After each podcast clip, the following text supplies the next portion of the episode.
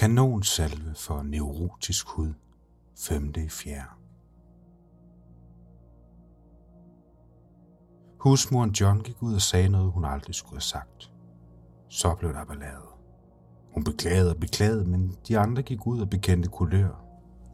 Beklagede sig selv og sagde så, at det ikke var beklagelsen, men begavelsen, der var galt med.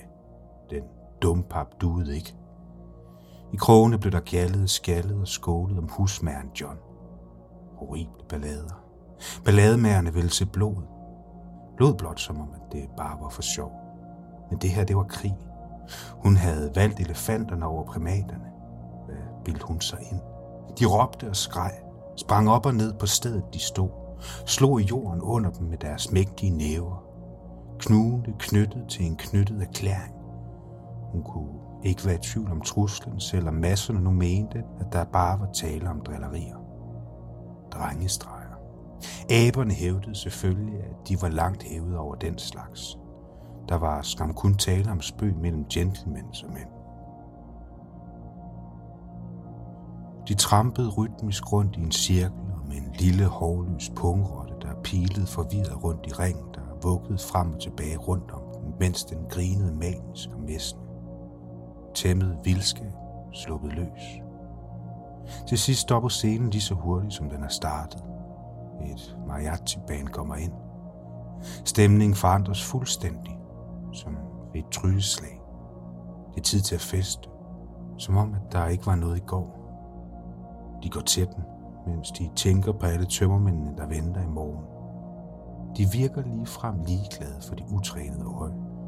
Men for forfatteren, der finder på lejen, er det let at fornemme, at de inderst inde ikke kan lade være med at føle. Og holde af. At føle og forføres. De er forelskede i følelserne.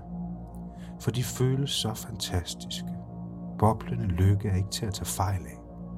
Men bør heller ikke. Lad os forføres for en stund til at slæbet i morgen. Måske virker det hele lysere til den tid. Det tror jeg på. Indtil da må husmoren hænge i og holde herrens hellige huse hermetisk lukket. Kristus bliver i graven indtil kribben er lettet, lortet er gjort op, og dommens dong ringer en sidste gang. Så kommer Goldman Sachs braven ind i syv guldbelagte hummer og gør boet op.